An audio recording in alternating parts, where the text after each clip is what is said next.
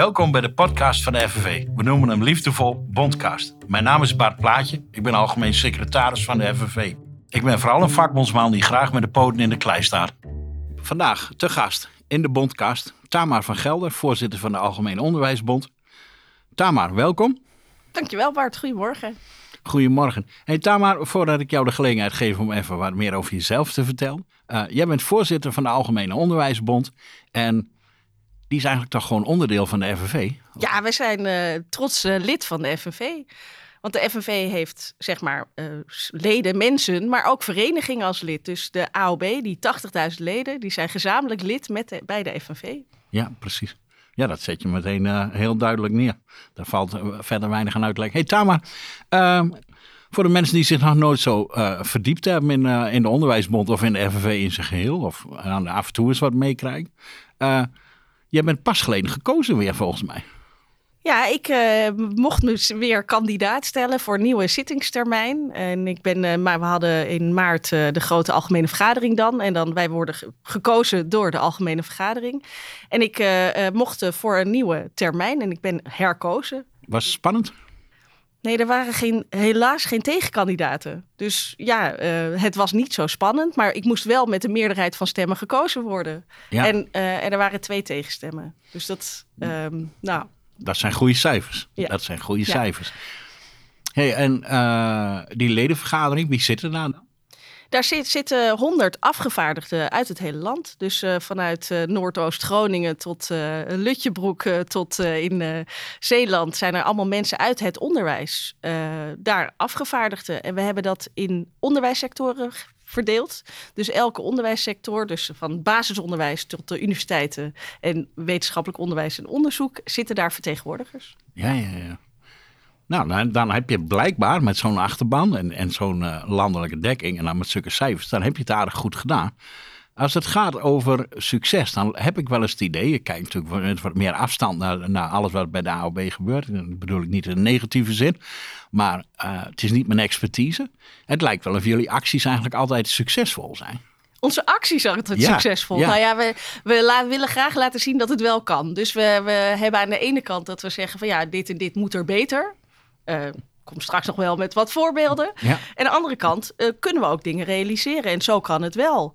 Dus ja, uh, als je zegt we zijn altijd succesvol in acties, dat is niet helemaal waar. Hè? We, bijvoorbeeld het dichten van de loonkloof, zoals wij dat zeggen. Het verschil tussen wat leraren in het basisonderwijs verdienden en in het voortgezet onderwijs. Dat was onze loonkloof. Ja. Die hebben we na vijf jaar fix actie voeren. Is die gedicht? Nou ja, vijf jaar actie voeren, dat, uh, dat kost nog best wel wat. Ja. Aandacht, middelen, energie geld. Ik kan me nog uh, zo'n stadion vol herinneren, toch? Van een paar jaar geleden. Ja, dat was, dat was in 2013. Dat ging over oh, passend onderwijs. Dat 2013, is lang, lang, lang, lang geleden. Nee, maar we hebben toen in die vijf jaar actievoeren... hebben we veel uh, verschillende soorten acties gehad. We, hebben, we zijn ook even in de Kuip geweest. We gingen over de Erasmusbrug. We hebben dat regionaal ja. gedaan op heel veel verschillende manieren. Ja. Um, dus nou ja, vijf jaar actievoeren heeft dat geresulteerd... dat die loonkloof uh, gedicht is. Maar dat wil niet zeggen dat we nog niet dat we geen problemen meer hebben in het onderwijs. Dus uh, ja, uh, we zijn goed in actie voeren, we zijn goed in resultaten boeken, maar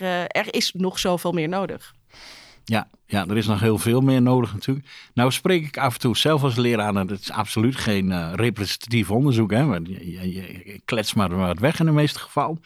Uh, maar veel mensen die ik dan spreek, zie ik nog tijdelijke contracten. En dat verbaast me eigenlijk. heb je een arbeidsmarkt waar je hoog en laag springt niet aan personeel kunt komen. Met onderwijs was daar wel de koploper in, zeg maar, van meter van.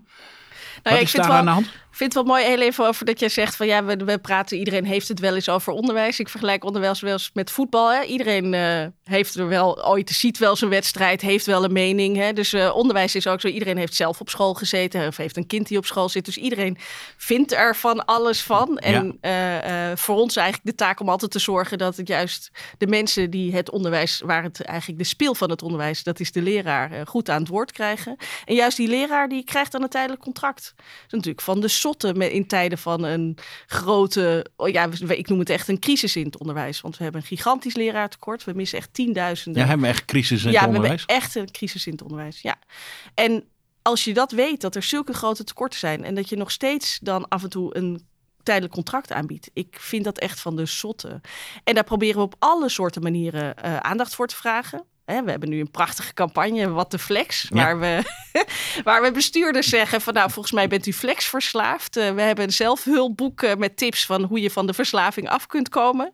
Uh, en we willen het heel graag gewoon in de wet geregeld hebben. Dat, we, dat je als je gewoon structureel werk doet, wat toch vaak lesgeven is, ja. dat je gewoon een vast contract krijgt. Maar wat, is de, wat is de logica van zo'n schooldirecteur, groepsdirecteur, bestuurder, om op die, op die flexcontract te blijven Dat is, ik bedoel, ik probeer altijd dan, ik, mijn, ik heb een groot empathisch vermogen, maar zo groot ook weer niet dat ik helemaal in die bestuurder kan verplaatsen. Maar er zijn meerdere motieven. Ik hoor vaak uh, uh, niet structurele financiering vanuit Den Haag. Hè. Dus de, de, het kabinet is wat af en toe wispelturig. Ja. Er, ehm, nou, dat maakt dat uh, schoolbestuurders zeggen: ja, ik moet toch uh, uh, ook weer aan de Raad van Toezicht verantwoording afleggen. Dus ik doe het voorzichtig is aan. Dat een legitiem argument of, of is het. Nou, er zijn voldoende reserves die wij zien, dus er mag best wel wat risico worden genomen. Ja, precies. En het is dus, een gelegenheidsargument. Ja, ja. ja. Um, wat ik ook hoor, is dat men het idee heeft dat je dan uh, flexibeler bent. Dat je dan ook je onderwijs flexibeler kan vormgeven. Nou ja, dat is een gedachte van schoolbestuurders die wij niet, niet ondersteunen. Dus ja, dat zijn argumenten die ik hoor. Maar uh, de echte reden, dat, uh, uh, weet ik niet. Nee, nee, precies. Nee. Vind ik ook altijd wel ingewikkeld hoor. Uh, maar goed, uh, en ik hoor ook wel bestuurders zeggen van nou, um, want niet alle schoolbestuurders doen dit. Hè. Dat is natuurlijk, er is gewoon een deel. En dat heeft heel erg te maken met dat het onderwijslandschap heel erg doorgedecentraliseerd is. Er zijn eigenlijk allemaal private ondernemingen met publieke financiering die zelf uh, verantwoording uh, af moeten leggen. Dus, um, uh, ja, dus als we dit anders zouden willen, dan zou je dit toch misschien meer richting een sterke publieke sector die geleid wordt door de overheid. Ja. Dus daar, daar zit eigenlijk nog meer de sleutel. Dus de overheid is, is, is nog meer aan zetten dan uh, een paar uh, bestuurders die iets te krampachtig in hun werk zitten. Zeg Ja, en dan weet je ook iets meer, heb je meer zekerheid dat de ene bestuurder wil concurreren met de ander. Het is natuurlijk eigenlijk heel gek dat je in onderwijslandschap concurrentie hebt. Mooi voorbeeld. Er worden dan bijvoorbeeld afspraken gemaakt over of studenten uh, die stage lopen in het onderwijs, of die een stagevergoeding krijgen of niet. En dan zegt de ene school, ik geef wel een stagevergoeding. En de andere school zegt, ik doe het niet. Ja, ja, en dan zeggen ze, laten we dan daar uh, geen concurrentie over uh, hebben, dan doen we geen stagevergoeding. maar goed, dus dat soort voorbeelden krijg je dan wordt gewoon hoog over bereid en, en uiteindelijk gaat het over de rug van degene die voor de klas staat. Ja, dat ja is... zeker. En het effect is dat we veel steeds minder goed onderwijs geven. En daar hebben we uiteindelijk hebben we daar, heeft, heeft, heeft de hele maatschappij daar last van. Dat brengt me wel bij een dingetje wat me altijd uh, uh, geboeid heeft. Ik ben wel benieuwd hoe jouw kijk als hoofdbestuurder daarop is. Je ziet steeds meer particuliere scholen ontstaan. En vroeger vond ik daar van een afstandje wat van. Maar een van mijn drie kinderen paste totaal niet in het klassieke onderwijs. Nou, daar was net een andere zorg voor nodig, een andere kijk en, en een ruimte die leraren eigenlijk niet had. En uiteindelijk hebben we een particuliere school van waar hij het wel gewoon prima doet. Uh, waar hij een andere aanvliegroute kreeg. En uiteindelijk gaat hij straks waarschijnlijk gewoon met een mooie MAVO-diploma naar huis. Daar is allemaal niks aan de hand. En is dat nou eigenlijk een gevolg van het langzamerhand structureel uh, afbreken van het onderwijs? Ehm, nou ja, kijk, eigenlijk, je zou eigenlijk willen dat we natuurlijk alle vragen uh, het onderwijs zou kunnen opvangen. He, dat, er, dat er voldoende tijd en ruimte is om ook voor jouw zoon in dat geval daar uh, voldoende aandacht te kunnen geven. Ja. Uh, maar in het huidige stelsel, hè, bijvoorbeeld met, met passend onderwijs, waar steeds minder zeg maar specialistische zorg in het reguliere onderwijs is, gaan ouders op zoek naar, naar oplossingen. En ik neem het die ouders niet kwalijk. Nee. Maar uh, je zou het liefste willen dat iedereen in het publieke onderwijs uh, goed onderwijs verzorgd kan, kan krijgen. Dus of dat ene direct invloed heeft in de andere, weet ik niet helemaal. Maar we hebben nu in ieder geval een systeem dat we iets van 20.000 thuiszitters hebben in Nederland. 20.000? 20.000, ja. Ja. ja. Maar goed, dus dat, dat, dat zijn echt wel uh, grote zorgen die we hebben. En waarvan wij zeggen, ja, we, we, willen eigenlijk eerst zorgen dat die basis op orde is. En die basis is in onderwijsland niet op orde. Nee, nee, nee. Die, die vertaalt zich dus eigenlijk in onzekerheid, werkdruk. Uh... Ja, zeker. Ja, en uiteindelijk dus niet het onderwijs wat die leerlingen en studenten nodig hebben. Ja, ja toch In, de, in, de, in eind jaren tachtig had je, had je nog videofilms en ik kan me nog zo'n film herinneren. Hele, en die ging onder andere over wat er in zo'n high school in Amerika gebeurde. En messen en pistolen en gekke dingen. Dat was, dan, was ook een film. Maar ik dacht, oh als het hier maar nooit zo wordt, weet je. En... Uh, zijn we daar langzamerhand naartoe aan het groeien? Dat, dat zo'n zo totaal overspannen kolosgebouw waar, waar, jonge mensen heen en weer rennen zonder enige begeleiding en een leraar naar binnen rent met zijn boekje wat voor zich uitprevelt en dan vervolgens door een metaaldetector het pand weer verlaat? Nee, want de, dat, dat geloof ik niet. Echt niet. Uh, het is wel zo dat, we, dat er gewoon gigantische verschillen zijn. Uh, en dus dat, uh, dat er misschien wel voorbeelden zijn van die, hè, dus dat zijn misschien excessen. Um, en maar er zijn ook scholen waar het eigenlijk, uh, waar wel de, de leerling en student tijd en ruimte krijgen. Dus op sommige plekken kan het wel. Alleen ja. weet je niet zeker of je dat krijgt. Dus als je in Amsterdam Nieuw-West naar school gaat, heb je misschien maar één bevoegde leraar. En als je naar Amsterdam Zuid naar school gaat, heb je misschien vijf bevoegde leraren. Ja. Um, en, Bizar. Ja, ja, dat is dus bizar. Dus je hebt niet, dus waar je wordt geboren, waar de school staat, maakt heel veel uit. Ja. En dat is eigenlijk ongelooflijk in een land als Nederland. Dus dat, ja, maar of we nou helemaal in Amerika zijn, dat, nee, dat, dat denk ik niet. Maar, en daar zijn, uh, uh, daar is natuurlijk uh, ja, het hele onderwijsstelsel ook totaal anders. En er zijn er hele andere krachten ook nog allemaal. En dat, ik geloof niet dat we die kant op gaan. Nee, precies. Hey, ehm, wat ik altijd graag doe in de bondcast. Ik heb uh, de voorzitter van de FNV hier ook een keer gehad en de vicevoorzitter van de FNV. En af en toe dan leg ik even wat onmogelijkheden voor. Hè? Want nu komt het veld voorbij en de overheid komt voorbij. En waar voelt Tama van Gelder zich nou beter op het gemak? Op de barricades of in de polder? Oeh, uh, ik heb zeg maar in de afgelopen jaren gemerkt dat het eigenlijk de ene niet kan zonder het ander. Nee, maar als je moest dus kiezen. als ik moet kiezen, nou dan sta ik liever op een volle dam uh, de menigte toe te spreken. Ja. Al vind ik de uitdaging in de polder ook wel heel interessant. Maar dat, daar hebben niet meteen, die leden voelen dat niet meteen. Dus dat vind ik altijd wel een uh, ingewikkelde. Dus maar als je me echt vraagt waar sta je het liefst, dan sta ik op die barricade voor de troepen.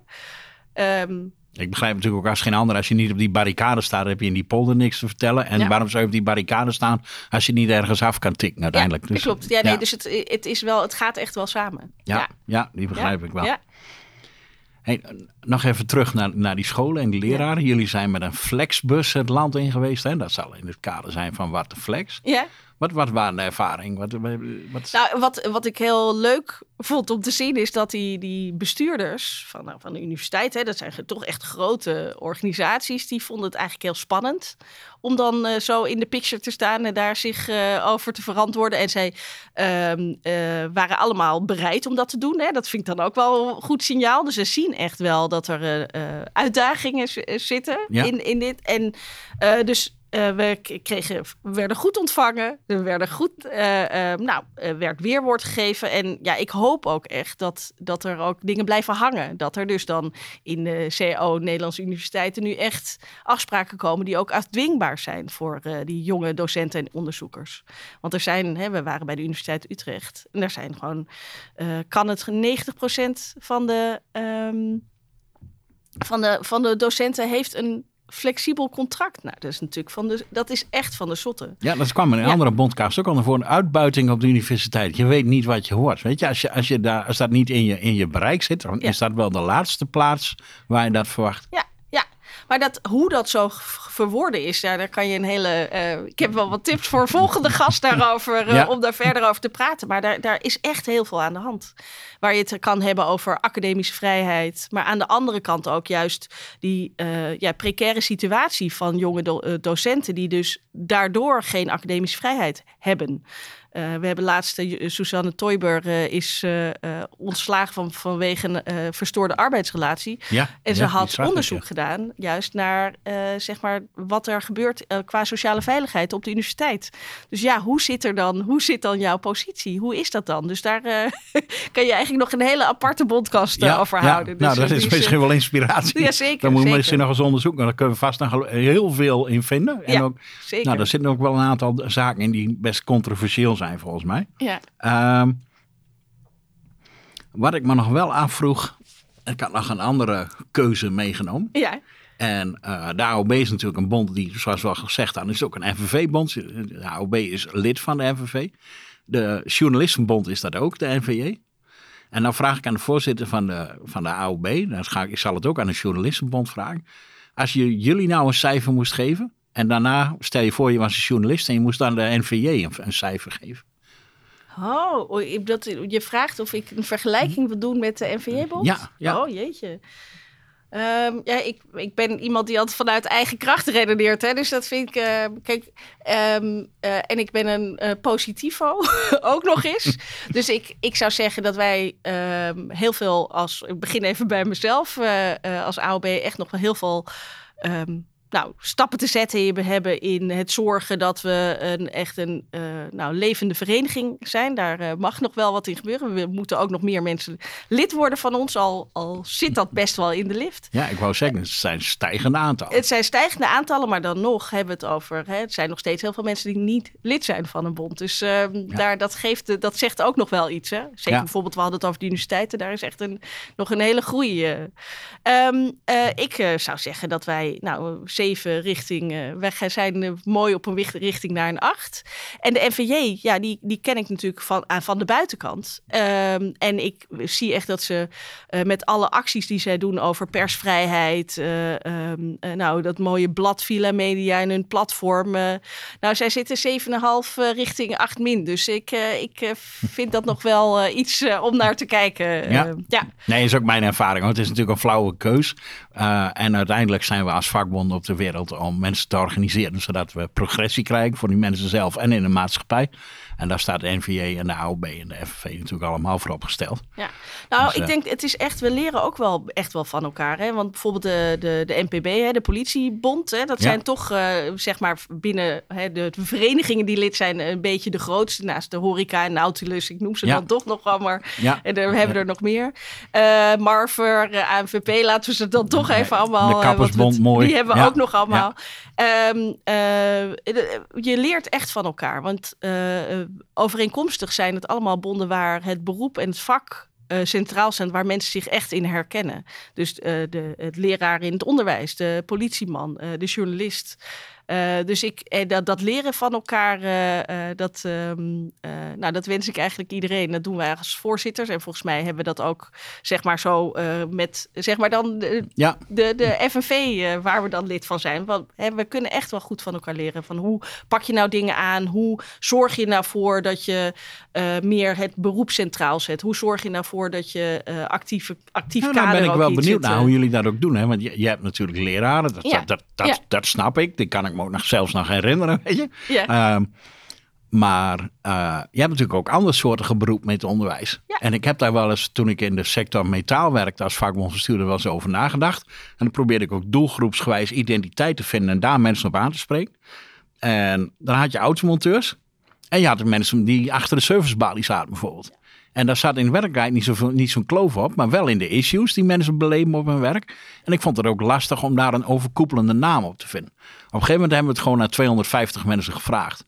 En toen bleek er uh, niet uit te komen dat ze zich geen servicemedewerker voelden of automonteur. Maar het bleek dat ze zichzelf allemaal professional noemden. Oh ja. Dus ben ik ja. daarop overgestapt. Ja. Uh, maar is dat in het onderwijs makkelijker? Nee, jij, dat blijft natuurlijk altijd zoeken. Kijk, je, we, als je het hebt over de kern van het onderwijs waar ik het eerder al over had, dat is toch die docent ja. in relatie met leerling-docent. Uh, dus dat is eigenlijk ook de kern waar we op organiseren. En we benoemen altijd daarnaast ondersteunend personeel. En dat heet weer dan per, per uh, sector een beetje anders. Hè? Dus de, de, de conciërge of facilitair medewerker bij een uh, MBO heet weer anders, maar die doet eigenlijk een beetje hetzelfde werk. Dus die identificeren we en net zo goed de schoolleider. We hebben heel veel uh, leidinggevenden in het onderwijs uh, rondlopen, die we ook op een bepaalde manier willen ja. aanspreken. Dus we hebben het vaak over verschillende soorten beroepsgroepen.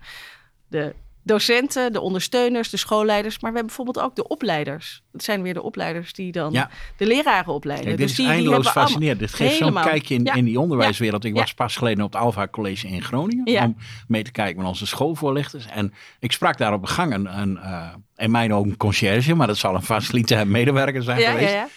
En als je kijkt wat die man allemaal meekrijgt, weet je, dat is onvoorstelbaar. En als je nou kijkt wat, wat we ze gemiddeld weg betalen, is, is, wat, dus, wat ze ontvangen als salaris is bitter weinig voor de functie die ze hebben. Ja. Ja. Wat dat betreft gaan we als maatschappij er niet op vooruit hoor. Die mensen die maken af en toe het verschil voor, jonge mensen daar in die school. Dat is zeker, bijzonder. Zeker, ja, je hebt, bedoel, eh, want dat is natuurlijk uh, in, in zo'n schoolorganisatie, als je helemaal terugkijkt naar zo'n basisschool, hè, want al die functies zijn ook op het MBO eigenlijk hetzelfde. Hè. Je hebt die, diegene die het les verzorgt en dat ontwikkelt, de leraar, docent. Je hebt iemand die nou, facilitair ondersteunend is. Dat zeg ik dan de schoolleider, hè, die is dan faciliterend ondersteunend voor dat proces. Je hebt mensen die helpen.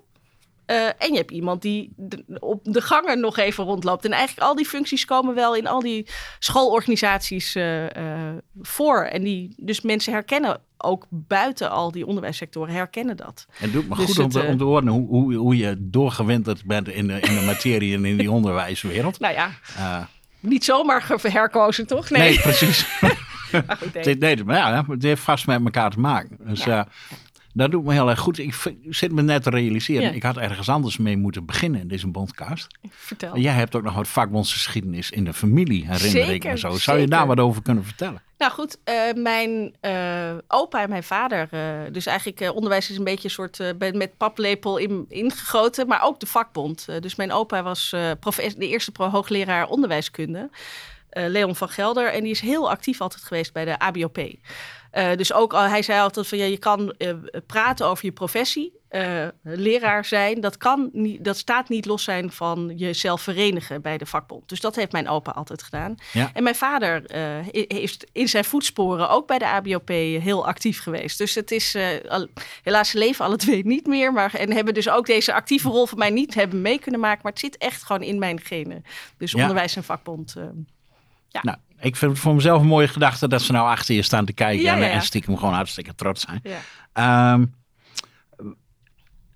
ik ben pas geleden nog bij jullie algemeen secretaris thuis geweest. Um, want vakbonden zijn ook allemaal verenigingen. Je moet ook allemaal van elkaar leren. En het is ook onderdeel van mijn uh, uh, werk, uh, de vereniging bij de FNV. En die wou ik je nog wel meegeven. Wat een prachtige kerel. Hij, hij woont daar in, tegen, de, tegen de rand van de stad Groningen aan. In een leuk huis. En en kinderen all over the place. En, en zijn, zijn, werk, zijn werkplek is gewoon ergens midden in, in het huis, weet je. En het gebeurt allemaal om hem heen. En hij kan volgens mij wel 10.000 dingen tegelijk. Dus uh, dat vond ik heel mooi om te zien. We hebben als, uh, als bestuur echt een heel mooi team. En het is, uh, ja, het zijn eigenlijk, dat zijn ook allemaal leraren. Hè? Dus Hendrik de Moel is gewoon docent geschiedenis. En heeft op een gegeven moment gezegd, ja, ik wil actiever worden. Ja. We hebben helemaal opgegroeid in de vereniging en nu algemeen secretaris. maar goed om te horen dat jullie ook goed contact hebben. Want dat, wat ik eerder zei, volgens mij moeten we elkaar daarin versterken. Ja, precies. Daar kan je ook heel veel van elkaar leren. Ja. Um, dan kom ik eigenlijk, ik zit een beetje te kijken van wat wil ik nu nog absoluut weten. Want ja, ik, ik heb maar één keer de voorzitter van de Onderwijsbond aan, aan tafel. Wat is jouw stip aan de horizon? Je bent nu net weer herkozen. Ga je, ga je de onderwijswereld op zijn kop zetten? Ga je Nederland op zijn kop zetten? Waar nou ja, voor? Kijk, op zijn kop zetten, dat kan, dat kan alleen maar als we weer voldoende leraren krijgen. Hè? Dus uh, uh, kijk, ik, uh, we, zoals eerder gezegd, we hebben te maken met een gigantische crisis. En iedereen gaat dat steeds meer voelen ook. Hè? Gewoon iedere ouder leerlingen, omdat er steeds meer les uitvalt. Uh, mensen kunnen, um, uh, nou, dat het onderwijs ook He, door de. Ja. hoe ze hoeven zakken, eigenlijk. Dat is echt zo. Um, maar mijn stip op de horizon is een hele actieve vereniging met. Uh, nou, we hebben nu rond de 81.000 leden, richting 90.000 leden in ieder geval.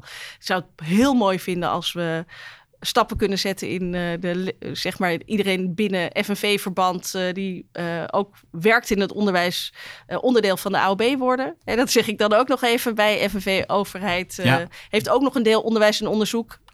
zou heel goed zijn als we dat in gezamenlijkheid kunnen doen.